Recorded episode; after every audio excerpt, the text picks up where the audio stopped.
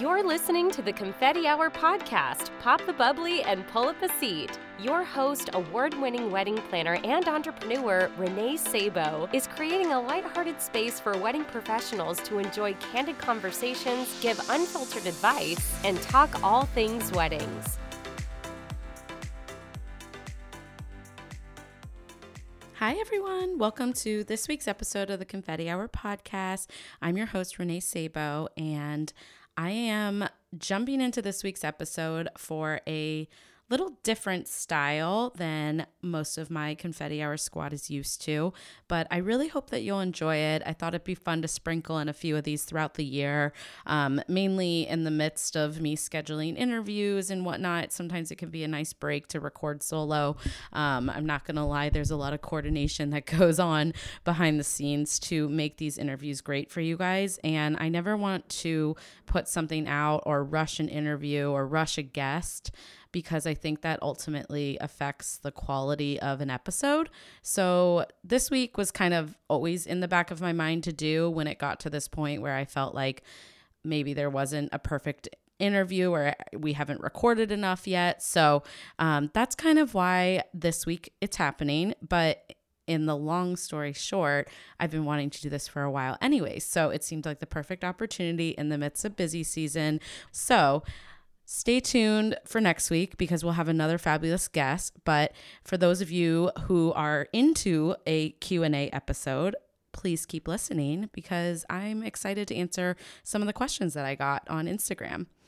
So the last couple weeks I put out some feelers and polled my followers on both the Confetti Hour and Urban Soiree and I got some really great questions, um, mainly related to Urban Soiree, which I love.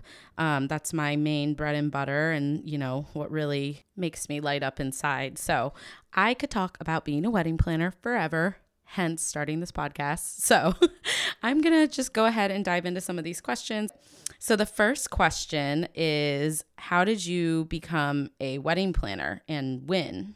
I think this is a great question and I get it often. So um, I'm sorry for some of you who already know the story, but I am going to share it again because honestly, it just also makes me appreciate what I'm doing now because I get to reminisce and remember how hard I've worked to get to where I'm at, I guess.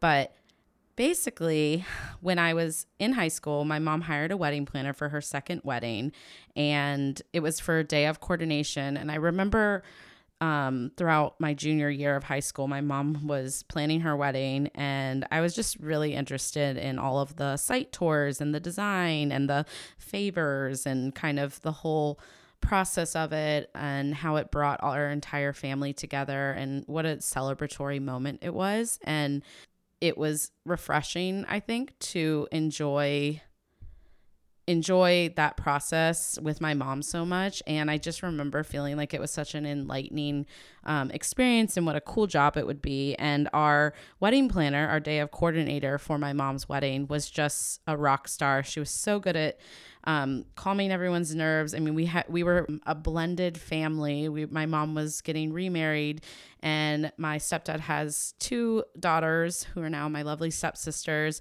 and my brother and I, and we have so many. I have so many aunts and uncles. I mean, the wedding was huge. Like I want to say like 300 people. It was a big wedding, and I just remember how cool it was that she was able to be that calming force, you know, throughout the entire process and really guide everyone towards the end there and just like coordinate the final logistics and make sure that most of importantly my parents and my family were able to enjoy the entire weekend.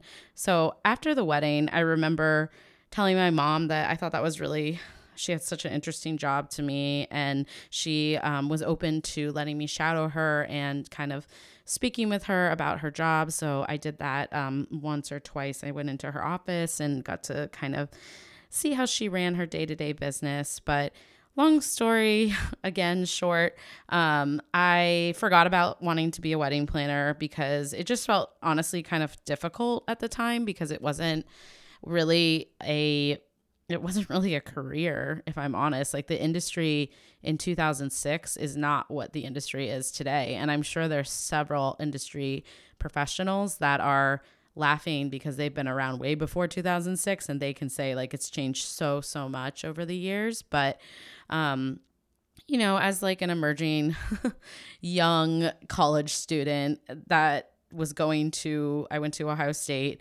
you know, it wasn't exactly a major on the on the booklet. So, I got nervous and I was also interested in several other things. I've always played violin for 14 years. I was in theater. I, you know, played lacrosse, soccer. I enjoyed um, different like programs at school. So I think it just ultimately, when I got to college, I actually went into respiratory therapy and it was not for me. So I found out very quickly that I was a little too far left wing and that I really wanted to be somewhere um, focused in like a creative setting. So I remember switching majors to strategic communications at Ohio State, and I just loved every moment of learning about public relations and special events at the time.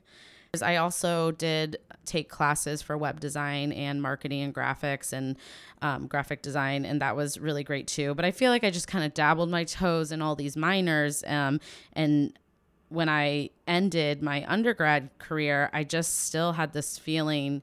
Um, I just really wanted to explore planning events. So, actually, my senior year, what kind of was the push that I needed was I did an my mom suggested that I do an internship with special events if I was really so interested in it.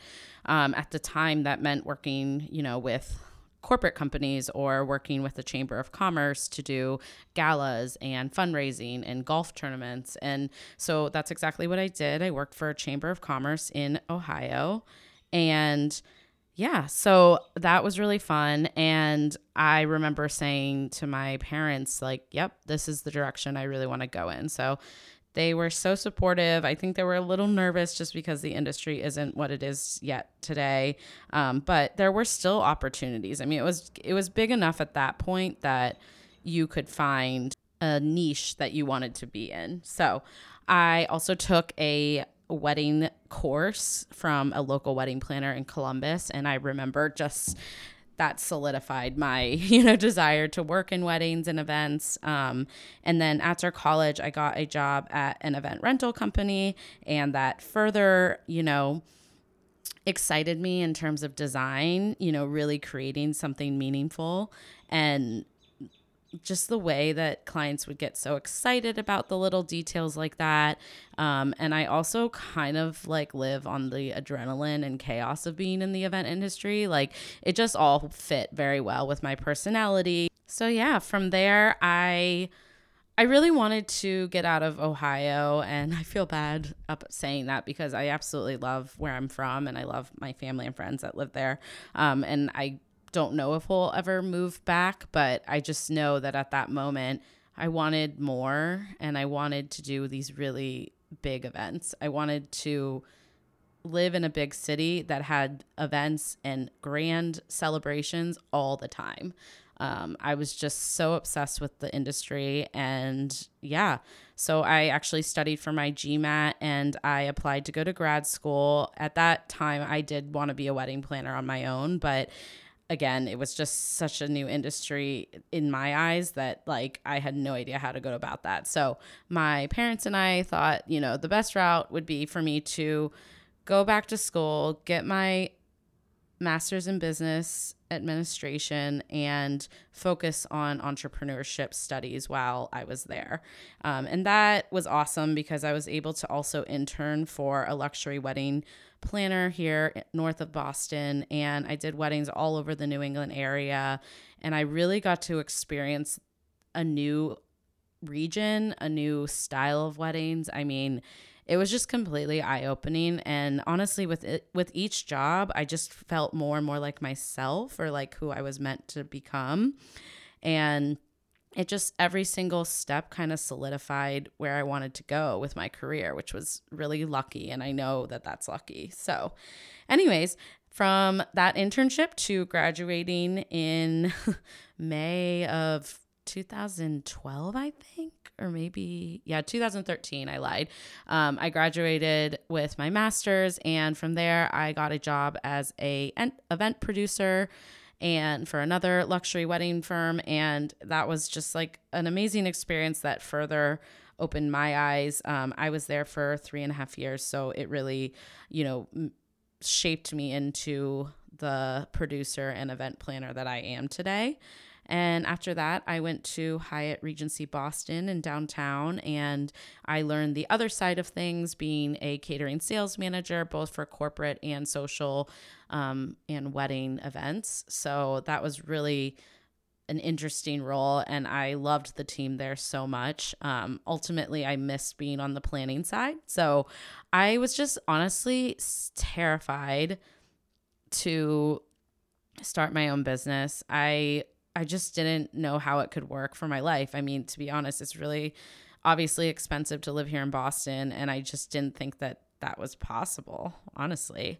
Um, but the more and more I like sat in jobs that I felt like, okay, I really missed the planning side, I I knew what I had to do and I, I left that role and I decided to start my company. And I was part time with Urban Soiree for my first year. And um, if you heard my episode with Sarah Costello from the New England Aquarium, I worked there for the year that I was part time with my business. And I continued to grow, you know, immensely in the industry through all of those jobs, but um, the aquarium and Hyatt were huge um, stepping stones for me to really feel like a well rounded professional.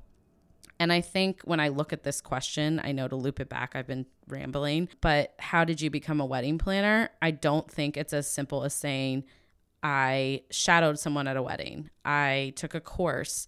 Like it's all these tiny little steps that have really added up to where I am now. And I think the saying that you can't nothing happens overnight is just so incredibly true for your career and nor would you want it to. Um, i would never want to be dealing with the clients or type or scale of events that i'm doing now 10 years ago because i would have had no idea how to handle it. It just would have been so overwhelming. So um, i feel like I've worked my butt off towards this, but at the same time, I feel very fortunate to have had support from my family, my friends, you know, my husband, and um, the industry peers that I do have to just kind of keep pushing because I'm not going to lie, there were several tears along that 10 year journey that I just described in five minutes. So, um, yeah. So basically, I worked at a whole bunch of spots event rental company, venue and cater, two luxury wedding planners, a hotel, and a unique venue. And then I started my business in January 2017. And as they say, the rest has been history. So, the next question, I also get this question a lot. How did you name your business or how did you come up with Urban Soiree?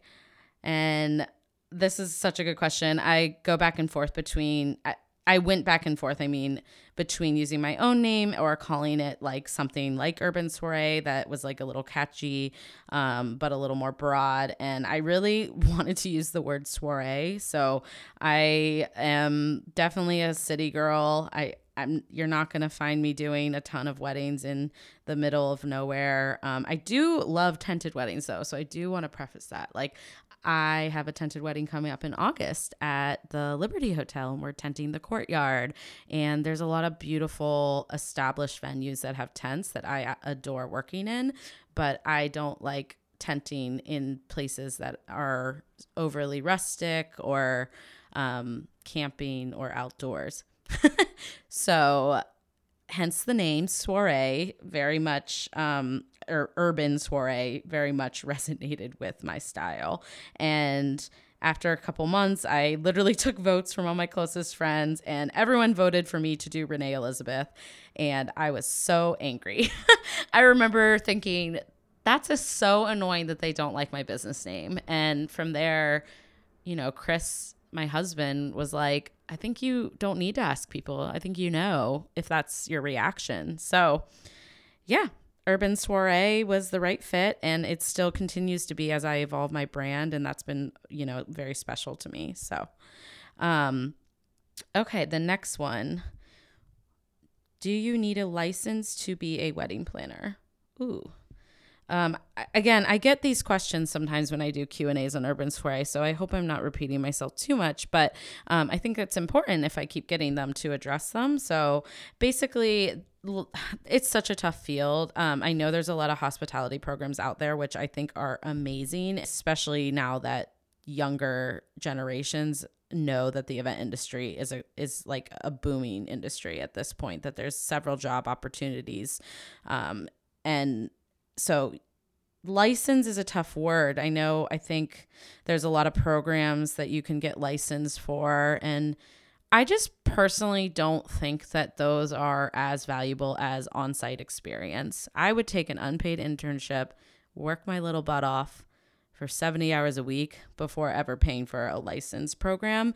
However, I think maybe when you pair it together or if it's the right fit, um, you know, I think it, def- it, it definitely can help, but I don't think that you need a license to become a wedding planner and I should say that I find investing in education, if I guess that's more important to me than if you get a license or a certificate at the end of it. I think it's really about your personal growth um, as a wedding professional and if if you feel the academy or the program or the workshop or something that you're taking is going to push that push your business forward or push you forward as a professional then i absolutely think that that should be required as a wedding professional. But the question was, do you need a license to become a wedding planner? And I don't think you do. So that's my answer. All right. So the next question is actually really a great question. I'm loving these guys. This question is How many times of trial and error did it take to structure your packages? I love this question. I think it is one of the biggest things I struggled with. I think a lot of wedding professionals struggle with this. Um, I think all of us feel super confident that we know our craft and our talent. And if you don't, then I think you should definitely invest in education or experiences to make sure you feel confident before you start selling a service. But, you know, people don't talk that much about the trial and errors of, of structuring packages because it's kind of like, I don't, you know, I struggled with it, I should just say, before this podcast because I didn't want people referring me to think less of me because I was still trying to figure out what the right packages were for me. And I will say, letting go of that mindset and being okay with figuring out the process for yourself and being a new business owner is really freeing and you should do that now. So um, to answer the question i update my pricing every year. So since i started in 2017 i've continued to analyze my packages and my rates and just make sure they're working for me and my small business. So the way that I do that is I typically tweak the service offerings. I've I've I've definitely gone through trial and error with that, um, but I would say it's taken me three times. And with those three times, I feel like I am finally at a current structure and service offerings that fits my lifestyle and it makes me happy. And I'll kind of go further into this just because I think it is a really great question. But it's really important to keep analyzing every year. I hope when I'm 25 years into my business, I plan to do that. But um, what why it took three times is because I originally when I started my company, I think I had a rough idea of my ideal client, but not to the extent of how I do now. So I really took the time to learn my market, talk to my staff that works the day of for me, kind of figure out who my perfect client was and what worked, what didn't work.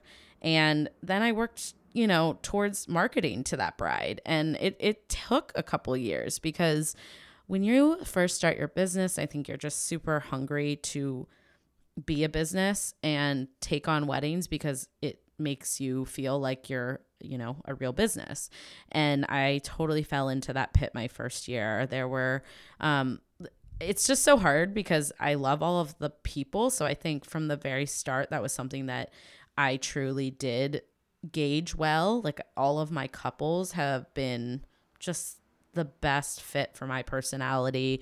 They're just really sincere, you know, totally in love and just good people, you know? And for me, the hardest part was dealing with brides that were in a budget range that I think maybe weren't the best fit for my experience and my preferences.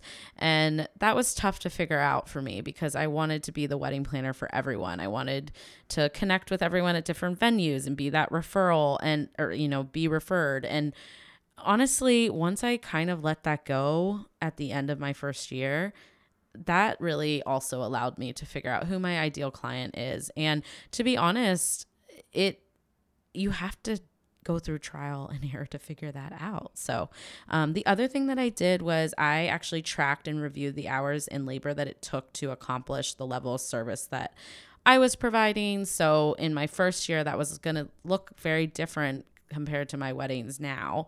And I think that you have to keep doing that every year. And I know that I talked about that with Carrie from Always Yours Events on her episode, which I will never stop referencing because I thought it was just such a great episode. In fact, I should just get her back so that we can talk about it more um, and also open the conversation up with new event professionals. But I think that that's a huge thing. So I found I'm spending 250 to 350 hours depending on the service, depending on the client, full service versus partial, you know, day of, obviously not as much. Um, and I realized that I was making like under the poverty line. So that was just like a really hard pill to swallow because I think it is really hard to price a service, um, especially in a saturated market. So, you know, my uh, husband always says, you know, when we lift up the hood, we may not like what we find, but that's when you really get to find the actual solution. And he uses that in reference to my finances, which I hate. But unfortunately, but fortunately, he's extremely accurate in that statement. And that's exactly how you have to function as your business and growing. Like, I think there's a balance of feeling confident with the service you're offering, but then being very self aware of where you need to grow and what's not working for you.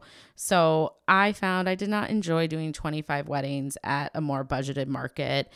And my entire background really had shaped me more so for being extremely involved on a full service level with my clients. And ultimately that was that's really what makes me the most happy. I mean i love getting to know the families and my couples and knowing I, I like to be a know-it-all. Like i'm sure if my husband listened to this he'd be laughing but i like to be a know-it-all. So when it comes to being a full service planner i like being that person on site that literally knows you know what kind of drink the bride prefers or, you know, what they're going to need at every moment throughout the day. And then kind of being that, you know, orchestrator of it all. And, and I'm also a people person and I am a Leo. I like the center of attention just a little bit some days.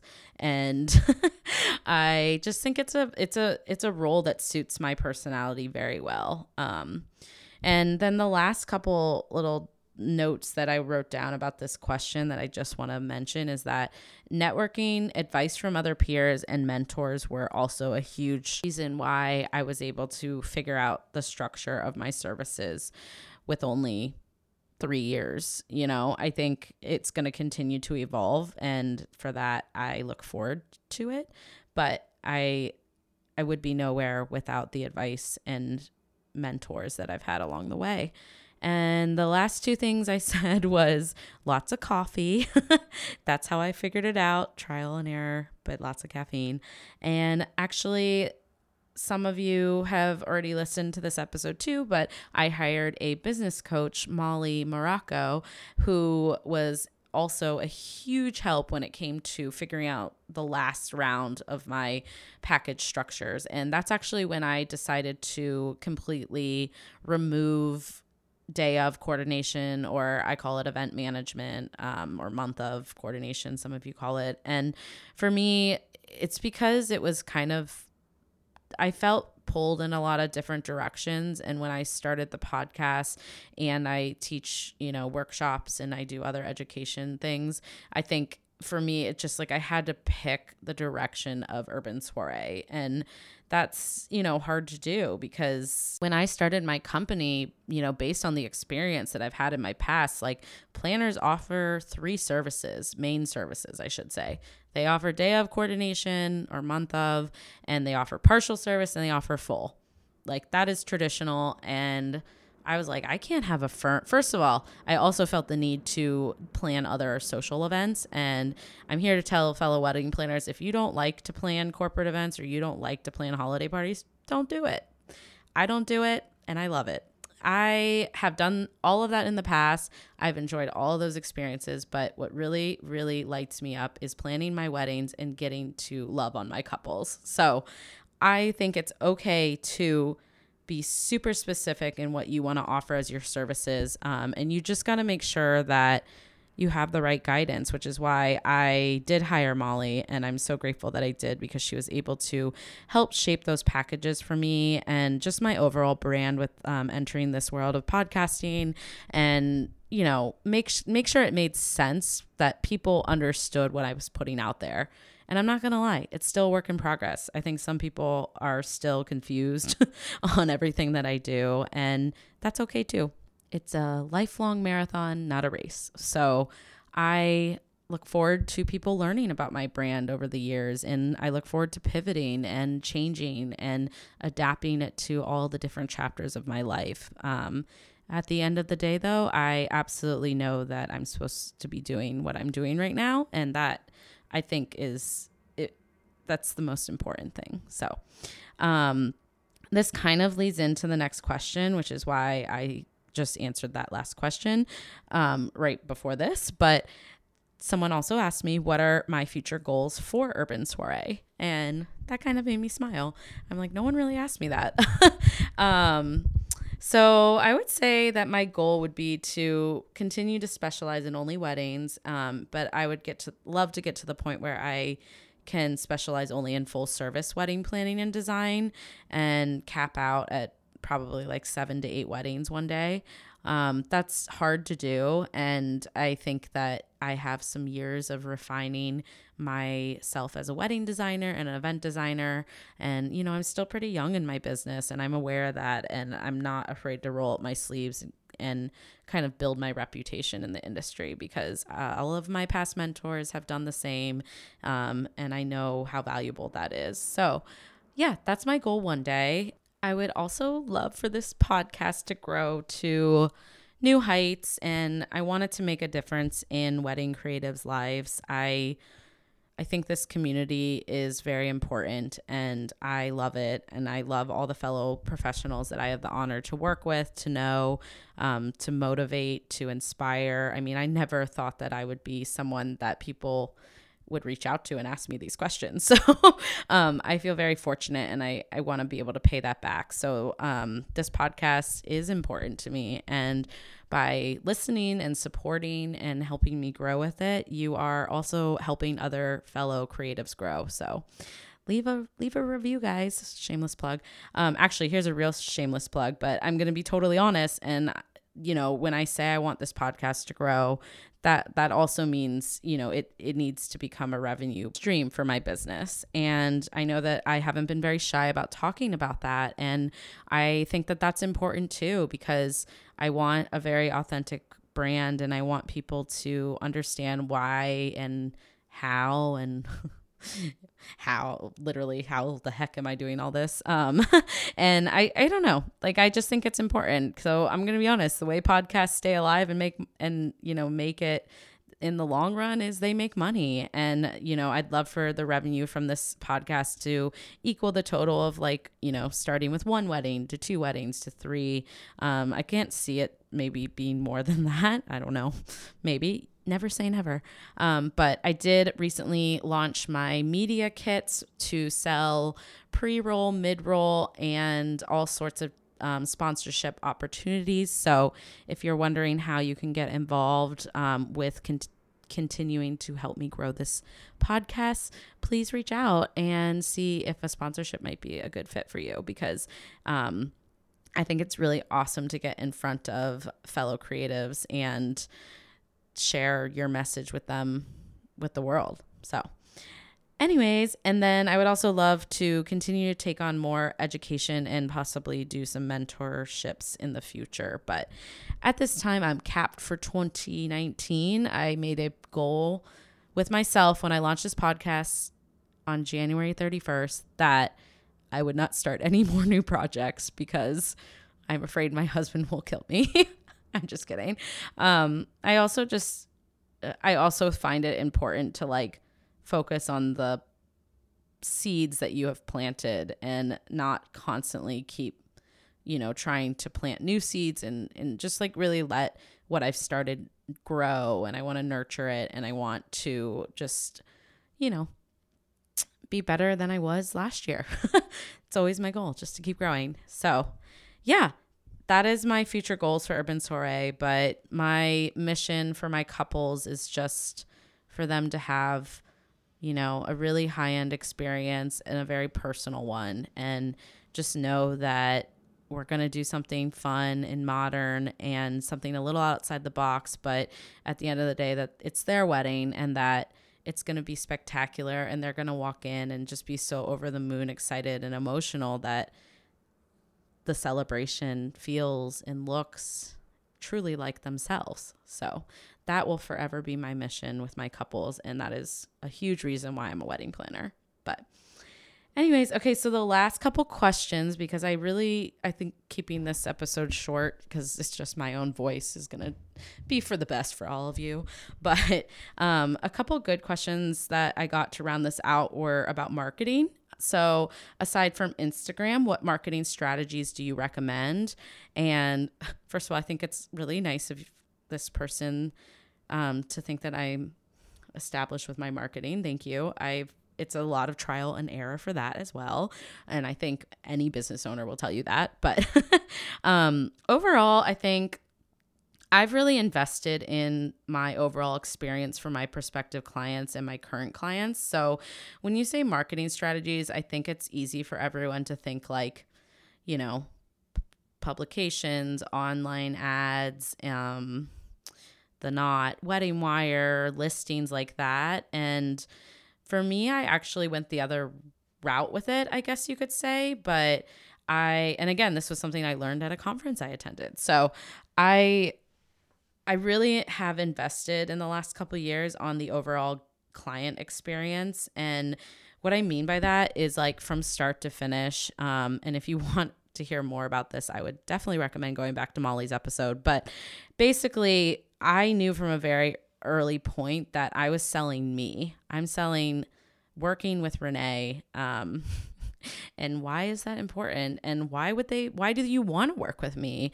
Um, if I want my ideal bride to work with me, then I need to show my value and show what experience they're going to get and that it's going to be a very polished experience and personable. So, um, the way that I've done that is, you know, I I've invested in you know, business coaching. I've invested in my copywriter. I've invested in, you know, my graphic designs from from the logo to, you know, putting together my media kits or putting together my brochures. Like uh, these are all things that are touch points for my prospective clients and my current clients. So, um, my email marketing, my blogging, actually, my email marketing is still kind of a baby within my brand. So, if y'all could just go and to my website at www.urban soiree.com and join my mailing list. That would be wonderful. Sorry, another plug, but I'm spending a lot of time on refining these things and I just hope people are list are reading it because it's really like an awesome way to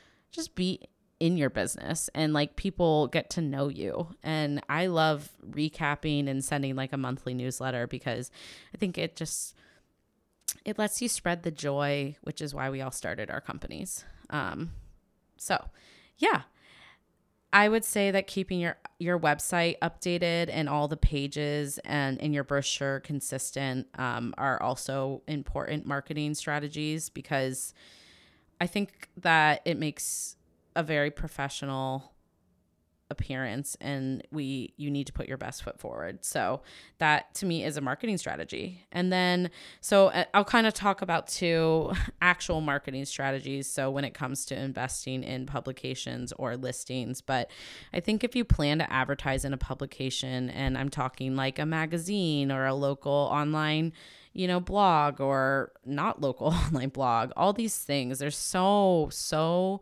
many opportunities to market yourself, um, to pay to market yourself. And I think it's extremely important to understand the demographic of the audience of that publication and then really like ask important questions to them and to yourself. Like, what is your actual ROI going to be with this investment? So, for example, my trial and error days, I my first couple years I did a few different listings that were targeted more so to a lower, uh, you know, average budget and I was getting, oh my gosh, like so many leads a month. I, I think like 15 leads a month. It was crazy. Um, and I thought like, oh, this means I'm an official business. I felt great about it. I was like, these listings are working. Um, and as I kind of evolved my packages and like my clientele and my services and the types of weddings that I was taking on, I was having to turn down 15 leads a month. It's so much work to keep my inbox down. So like I'm literally not only giving these listings money every year that are like thousands of dollars, but I'm also creating more work for myself. So I think it's really important to just, you know, take a look at why you're doing these listings. Is that clientele that that particular website or magazine, you know, advertises to is that is that the right fit for your business is is that the area you're in so like i I know I did one in like New Hampshire. And I mean, for those of you that have gotten to know me on this podcast, I would say paying a thousand dollars to market to a New Hampshire bride was a really dumb idea on my part because my business is urban soiree and most of there were a few I got some beautiful Omni Mount Washington leads and I would work there too because it's gorgeous but for the most part I just kept answering increase for barns and I was not the right fit. And like I just was creating more work for myself. So I think you should not invest in some those types of advertising unless it checks off the following three boxes. One, like I said, ideal demographic.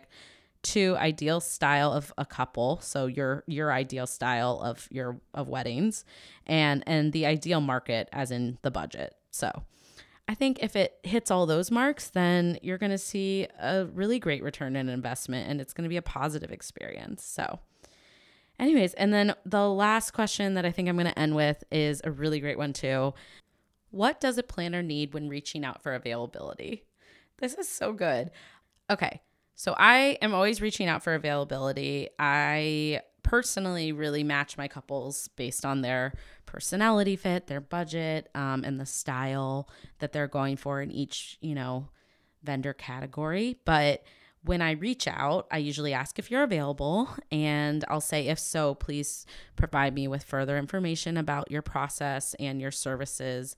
And I usually say pricing because let's be honest, my I want to make sure that it's a good fit. And for the most part, I know the price categories that all the vendors I'm reaching out to already, which is why I'm reaching out to you.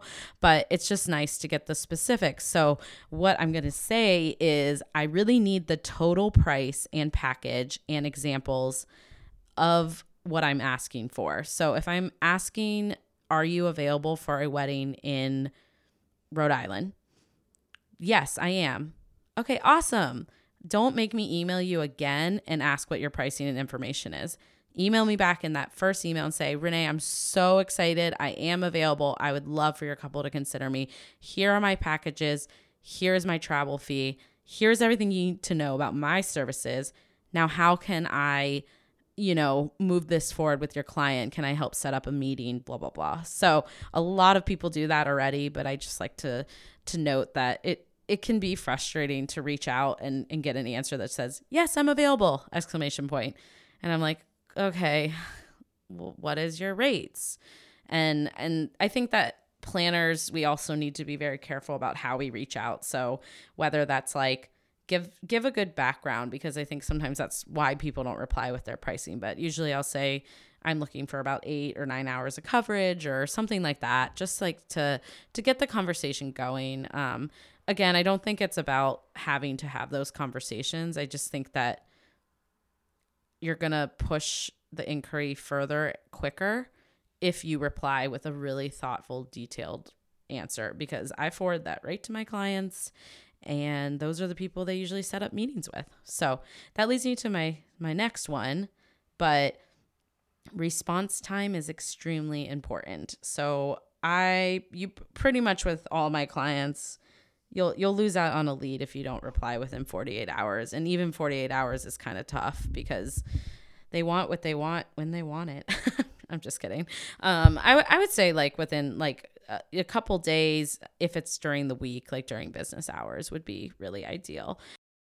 And then this last one i think most people understand this but it the question is what does a planner need when reaching out for ability availability? And I need you to understand that my client wants to review more than one option, which means I'm likely referring at least two different people, sometimes three or four, and um, and and just be okay with that because you know I get hounded a lot for follow ups, and it's just the nature of the game. Like no, no one's gonna if i'm looking for a pair of black flats for work like i look at like six different websites like i i think that the beauty of working with a planner is most of my clients don't need to see more than a couple options because they trust my judgment i've narrowed down that research but the, at the end of the day, the like normal consumer wants to do their due diligence and they unless you were referred by like their best friend or a family member, it's pretty rare that they're not going to want to talk to at least two people. So, I think just an understanding of that that I'm not going to have an answer for you in 24 hours, but I'm always going to keep you updated within that amount of time and yeah, I hope that helps answer a little bit. I would love for you guys to comment on social media and tell me what what you need when a planner reaches out to you too. That would be really fun. So, anyways, that wraps up this week's episode of the Confetti Hour podcast, our little Q&A. Let me know what you guys thought of this episode. And surely, if I do it again, I will probably continue to refine the experience of listening to me ramble. But I hope that I did okay for my first stab at it, and I hope that you guys learned a little bit from this Q and A. Um, I know it's pretty directed towards a planner side of things, so if you do like this Q and A and you want me to bring people that are not planners on to do Q and A, let me know because that can certainly be arranged. um, anyways, please subscribe so you can stay tuned for future episodes. And I would love if you guys would leave a review for our show. That would be a huge help. And I also just like hearing what you think about the guests and the interviews and, you know, the format of the podcast. It all really does mean the world to me. And yeah, I'll chat with you next week, Confetti Hour Squad.